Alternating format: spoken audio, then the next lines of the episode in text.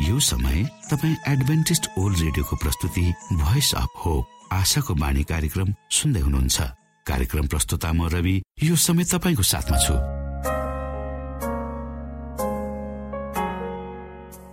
आशाको बाणी कार्यक्रम सुन्नको निमित्त पर्खेर बस्नुहुने समस्त प्यारा श्रोता वर्गमा हामी न्यानो अभिवादन व्यक्त गर्दछौ। हाम्रा महान परमेश्वरको प्रेम यसो ख्रिस्टको अनुग्रह र पवित्र आत्माको अगुवाईका विषयमा साँचो र सही सन्देश प्रस्तुत गर्ने क्रममा हामी छौ र श्रोता दैनिक तपाईँले यी अध्ययनहरूका विषयमा सुन्दै जाँदा मनन गर्दै जाँदा तपाईँको जीवनबाट पनि ख्रिस्टको उपस्थिति झल्किन सकेको होस्। क्रिससँगको संगतिमा तपाईँले आदित्य आशिषको अनुभूति गर्न सक्नु भएको होस् भन्ने शुभेच्छा सहित हामी हाम्रो कार्यक्रमलाई अगाडि बढाउने अनुमति चाहन्छौ। सधैँ झै सुरुमा हामी यो मधुर क्रिस्टीय वचन सुन्नेछौँ।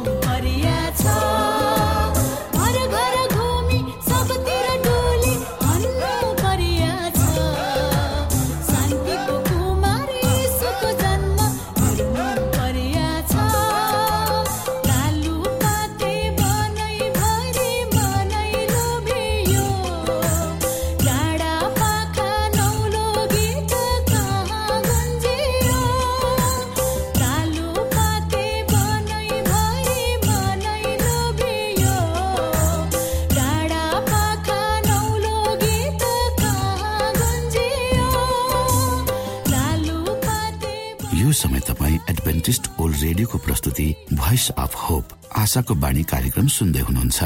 श्रोता मित्र यो समय हामी पास्टर उमेश पोखरेलबाट आजको बाइबल सन्देश सुन्नेछौ। श्रोत साथी न्यानो क्रिस्टी अभिवादन। म तपाईँको आफ्नै आफन्त पास्टर उमेश पोखरेल परमेश्वरको वचन लिएर यो रेडियो कार्यक्रम मार्फत तपाईँहरूको बीचमा पुनः उपस्थित भएको छु।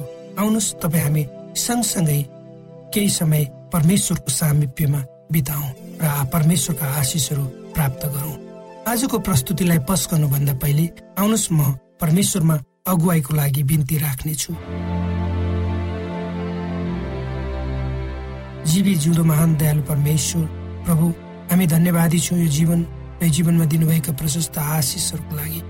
प्रभु यो रेडियो कार्यक्रमलाई म तपाईँको हातमा राख्दछु। यसलाई तपाईँको राज्य महिमाको प्रचारको खातिर यो देश र सारा संसारमा पुर्याउनुहोस् ताकि धेरै मानिसहरूले तपाईँको ज्योतिलाई देख्न सक्नुहोस् चिन्न सक्नुहोस्। त्यसबाट तपाईँको राज्यमा प्रवेश गर्न सक्नुहोस्। त्यसबाट तपाईँको महिमा होस्। सबै बिन्ती प्रभु यीशुको नाममा। आमेन।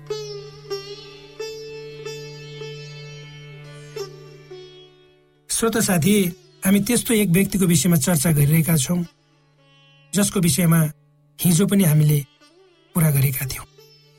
यदि तपाईँले हाम्रो कार्यक्रम सुन्नुभएको भए तपाईँलाई अवश्य थाहा हुन्छ कि त्यो व्यक्ति को हो। यदि तपाईँले योभन्दा पहिलेको हाम्रो प्रसारण सुन्नु सक्नु भएको रहेनछ भने ती व्यक्तित्वको बारेमा हाम्रो प्रस्तुतिपछि तपाईँले अवश्य बुझ्नुहुनेछ। हामी पावलो प्रेरितको विषयमा जसलाई प्रभु येसुलाई ग्रहण गर्नु अघि सावलको रूपमा चिनिन्छ उनीको परिवर्तन पछिको जीवन र परमेश्वरको प्रचार प्रसारको विषयमा आज हामी प्रस्तुतिलाई केन्द्रित गर्नेछौँ। पावल प्रेरितको जीवन कहानी त्यति मिठो छैन। उनको नाटकीय धर्म परिवर्तन पछिका केही वर्षहरूको विषयमा हामी स्पष्ट विवरण पनि पाउँदैनौँ। आफ्नो परिवर्तन र आन्टियोकमा वर्णवासले उनलाई त्यस ठाउँमा प्रभुको कामको निम्ति आमन्त्रण गर्नुको बीचको समयमा पवित्र धर्मशास्त्र गलाती एक अध्यायको एक्काइस पदमा उल्लेख भएको अनुसार त्यसपछि म सिरिया र सिलि सिलिकिया सिलिकियाका इलाकातिर गए। त्यसको अर्थ अर्थ पावलले त्यो समयमा सिरिया र सिलिसियामा प्रचार गरेको हुनुपर्छ। ती वर्षहरूमा पावलले आफ्नै परिवारबाट समेत सतावट खेप्नु परेको थियो र कसै कसैको भनाइ अनुसार उनलाई घरबाट पनि निकालिएको थियो। पवित्र धर्मशास्त्र बाइबलको दोस्रो कोरन्थी एघार अध्यायको तेइसदेखि अठाइस पदहरूलाई हेर्दा यसुलाई ग्रहण गरेको कारणले नै उनले धेरै सतावटहरू पीडाहरू खेप्नु परेको थियो। दोस्रो कोरन्थी एघार अध्यायको तेइसदेखि अठाइस पदहरूमा पावलले यसरी आफ्ना पीडाहरू पोख्छन्। आउनुहोस् हामी पढौँ। के तिनीहरू क्रिसका सेवक हुन्? म अझ असल सेवक हुँ। पागल झै म बोलिरहेको छु। मैले ज्यादै परिश्रम गरेँ। कैदमा अझ धेरै पल्ट परे अनगिन्त्यौँ कोरा खाएँ मृत्युको मुखमा बारम्बार परे। पाँचपल्ट मैले यौदीहरूका हातबाट एक सय चालिस कोरा खाएँ। तिनपल्ट मलाई लौराले पिटे एकपल्ट ढुङ्गाले हाने तिनपल्ट म चढेको जहाज ध्वस्त भयो। एक दिन एक रात मैले समुद्रमा नै बिताएँ।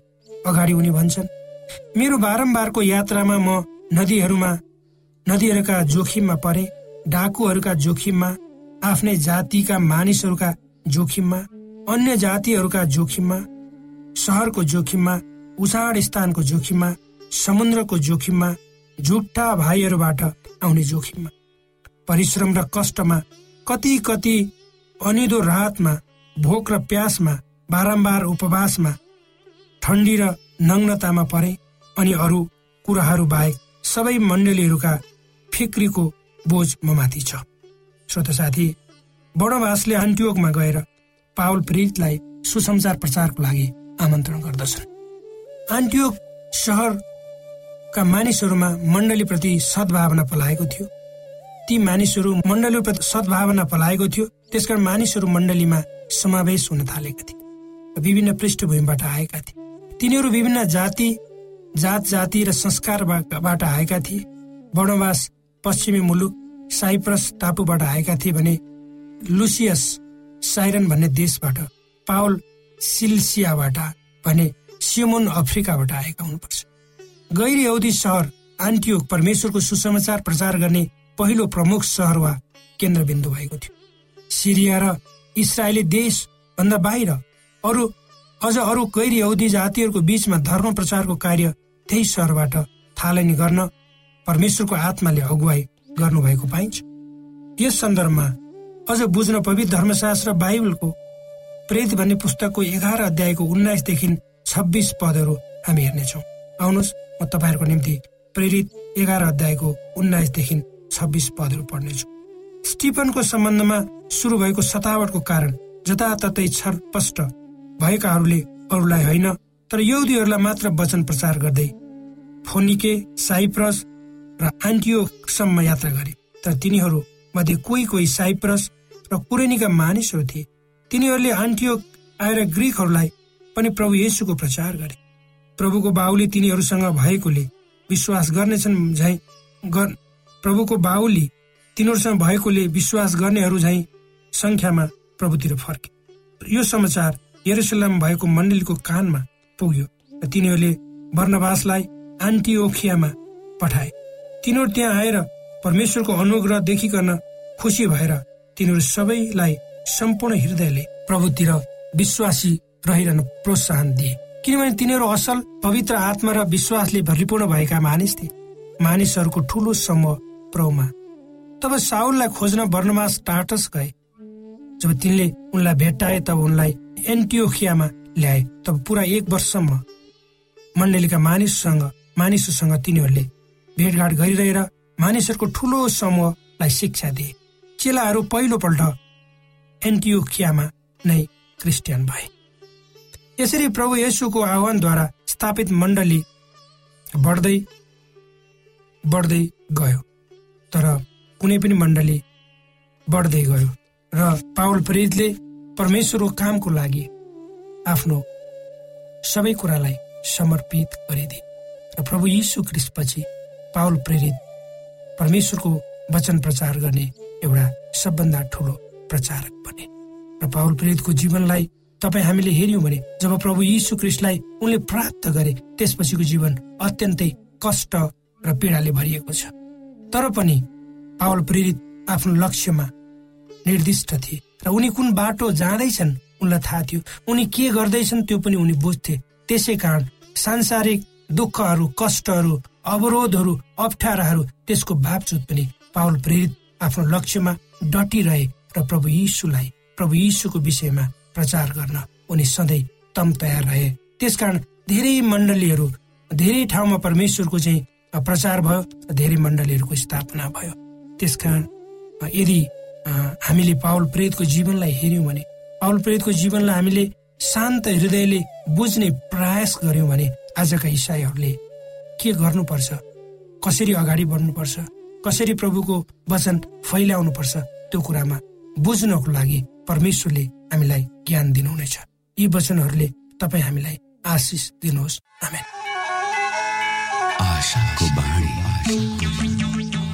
श्रोता भर्खरै यहाँले पास्टर उमेश पोखरेलबाट बाइबल वचन सुन्नुभयो। यो समय तपाईँ एडभेन्टिस्ट ओल्ड रेडियोको प्रस्तुति भोइस अफ होप आशाको बाणी कार्यक्रम सुन्दै हुनुहुन्छ। कार्यक्रम सुनेर बस्नुहुने सबै श्रोतालाई हामी हाम्रो कार्यक्रममा स्वागत गर्न चाहन्छौ। श्रोता मित्र यदि तपाईँ जीवनदेखि हरेस खानु भएको छ तपाईँका जीवनमा धेरै अनुत्तरित प्रश्नहरू छन् भने आउनुहोस् हामी तपाईँलाई परमेश्वरको ज्योतिमा डोहोऱ्याउन चाहन्छौ र तपाईँ आफ्नो जीवनका चिन्ता फिक्रीबाट निश्चिन्त हुनुहोस् र बाँच्नुको आनन्द परमेश्वरको सामिप्यमा कति मिठो हुन्छ त्यो चाख्नुहोस् भनी हामी चाहन्छौँ। श्रोता यदि तपाईँ आशाको बाणी कार्यक्रमलाई अनलाइन सुन्न चाहनुहुन्छ वा डाउनलोड गर्न चाहनुहुन्छ भने डट ओआरजीमा जानुहोस्। त्यहाँ तपाईँले प्रत्येक दिनको कार्यक्रम सुन्न र डाउनलोड गर्न सक्नुहुनेछ। हाम्रो वेब पेज यस प्रकार छ डब्लु डट श्रोता यदि तपाईँ हामीसित सिधै फोनमा सम्पर्क गर्न चाहनुहुन्छ भने हाम्रा नम्बरहरू यस प्रकार छन्। अन्ठानब्बे एकसाठी पचपन्न शून्य एक सय बिस। अन्ठानब्बे एकसाठी पचपन्न शून्य एक सय बिस। र अर्को अन्ठानब्बे अठार त्रिपन्न पन्चानब्बे पचपन्न। अन्ठानब्बे अठार त्रिपन्न पन्चानब्बे पचपन्न। यो आशाको बाणी रेडियो कार्यक्रम हो। म धनलाल राई यहाँहरूलाई यस कार्यक्रममा न्यानो स्वागत गर्दछु। आजको समसामयिक विषयको प्रस्तुतिका साथ मिना राई। श्रोत साथी उद्देश्य प्रेरित आत्मा परिवर्तित कथाहरूमा आजको कथा बुबा मलाई क्षमा गर्नुहोस्। होरी तारिसा जापान। श्रोत साथी म इसाई परिवारमा जन्मेको थिइनँ। जब म ठुलो भए परमेश्वरको बारेमा मैले कहिले पनि सोचेको थिइनँ। जापानमा बाह्र करोड साठी लाख मानिसहरू छन्।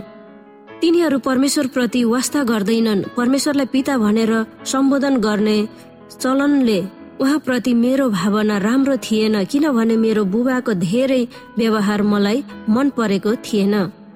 जब म सानै थिएँ मेरा बुबा र आमा एक आपसमा छुट्नु भयो म आमासँग रहन गए तर विधाको बेलामा म बुबालाई भेट्न जान्थे। जब म चौध वर्षको थिएँ मेरो बुबा बिरामी हुनुभयो र शनिबार र आइतबार उनको हेरचाह गर्थे। बुबालाई स्याहार्ने काम गाह्रो थियो। म सानै थिएँ र मैले गर्नुपर्ने काम धेरै थियो। मैले गुनासो पोखाउँथे। मैले नै किन स्याहार गर्नुपर्ने भनेर कचकच गर्थे। जब जब बुबालाई मैले भेटे तब तब मैले उहाँलाई भन्थे तपाईँदेखि मलाई वाक्क लाग्छ। म धेरै रुन्थे मेरो बुबा पनि रुनुहुन्थ्यो होला। केही समयपछि उनको देहान्त भयो। फिल्म बनाउने काम सिक्न म अमेरिका गए। अमेरिकाको लस एन्जल सहरमा मेरो ध्यान सुरु गर्नुभन्दा पहिले म सिकागो सहरमा गए। त्यहाँ मेरा आफन्तहरू थिए जो सेभेन डे एडभेन्टिसहरू थिए। साबतमा चर्च जान मलाई आग्रह गरे। मलाई चर्चको वातावरण मन पर्यो। इसाई चर्चमा गएको त्यो मेरो पहिलो अनुभव थियो। जब म स्कुल जान थाले तब चर्चमा जाने समय पाएको थिइन। छ महिनापछि मेरा आफन्तहरूले लस एन्जल्समा सेभेन डे एडभेन्टिस चर्च भेटाइएका छौ कि भनेर सोधे। अन्तमा म Glendale Filipino seven day Adventist चर्चमा गएँ। प्रवचन पछि घरमा गएर आमासँग स्कापमा कुरा गर्ने मेरो योजना थियो। तर चर्च त म जस्तो युवा युवतीहरूले भरिएको थियो। चर्चबाट म निस्किन लाग्दा तिनीहरूले मलाई रोके। हामीले सँगसँगै खाना खायौँ र त्यसपछि तिनीहरूसँग घुलमिल गर्न तिनीहरूले मलाई आग्रह गरे। श्रोता साथी मेरो नयाँ साथीहरूले अर्को दिन तिनीहरूसँग घुम्न बोलाए। तिनीहरूले दिनदिनै मलाई बोलाउँथे। तिनीहरूले म प्रति यस्तो किन दया देखाए भनेर मैले अचम्म माने। पछि मलाई थाहा भयो कि परमेश्वरले उहाँको प्रेम यसुलाई प्रेम गर्ने विश्वासीहरूबाट देखाउनु हुँदो रहेछ। परमेश्वरको प्रेमको बारेमा मैले धेरै जान्न चाहे तिनीहरूलाई परमेश्वर र बाइबलको बारेमा धेरै प्रश्नहरू मैले गरे एकजना साथी बाइबल सिकाउने काम गर्दथे। उनले मलाई बाइबल सिकाउन थालिन्। मेरा साथीहरू मलाई मन परेको थियो र मैले बत्तिसमा लिन चाहे तर मैले मेरो बुबालाई नराम्रो व्यवहार गरेको बिर्सेको थिइनँ। बुबाले मलाई क्षमा दिनुभएको म चाहन्थे। एक रात मैले सपना देखे मेरो बुबा भुइँमा पल्टिरहनु भएको मैले देखे। उहाँको अनुहार सेतो थियो र उहाँ मर्नै लागेको जस्तो हुनुहुन्थ्यो। उहाँले मलाई टक्क लगाएर हेर्नुभयो। तर केही पनि भन्नु भएन। उहाँले मलाई कहिले पनि क्षमा दिनुहुन्न भनेर मैले सोचे। अर्को रात पनि फेरि त्यही सपना देखे। फेरि मेरो बुबा भुइँमा लोटिरहनु भएको मैले देखे। तर यस बेला उहाँ मलाई हेरेर मुस्कुराउनु भयो र भन्नुभयो धन्यवाद। मेरो बुबाले मलाई क्षमा दिनुभयो।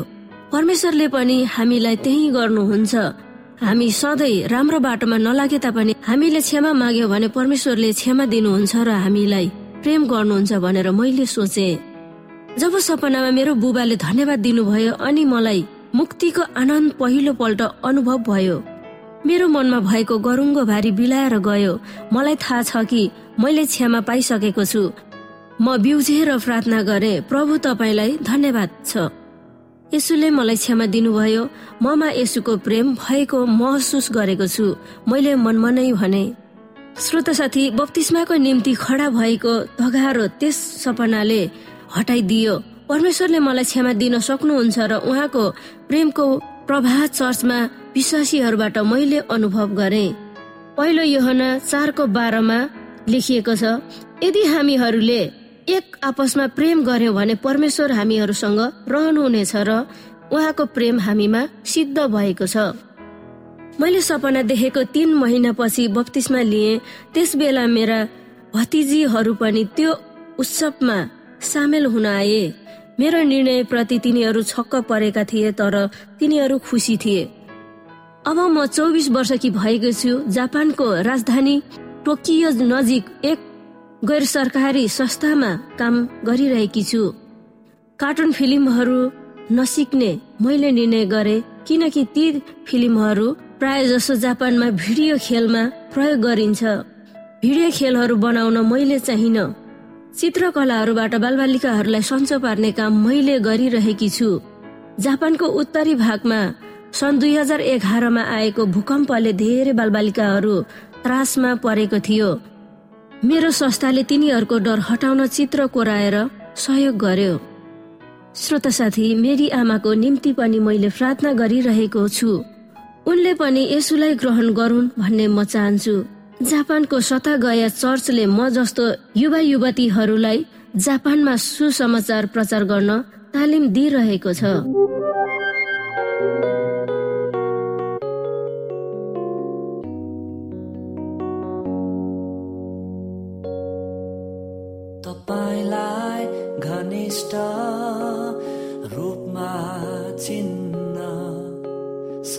थोकलाई बेची त्यो मोती किन्न यो जीवन दिन म तयार छु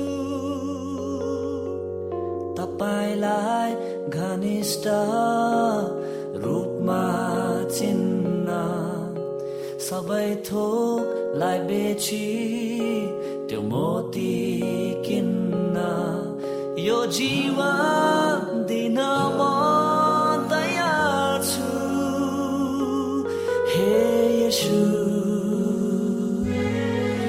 तपाईँको आराधना गर्न बनिएको छु।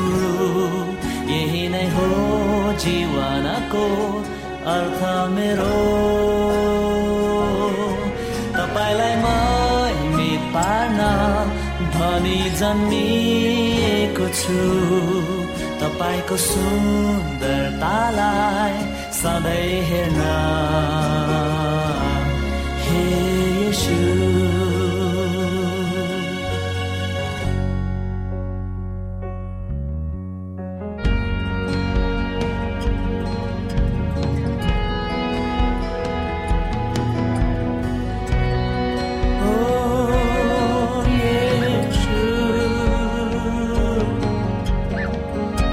साँच्चै भन्ने हो भने ख्रिस्ट मेरा प्रभुलाई चिन्न पाउने अमूल्य कुराको तुलनामा सबै कुरालाई म हानि नै ठान्दछु।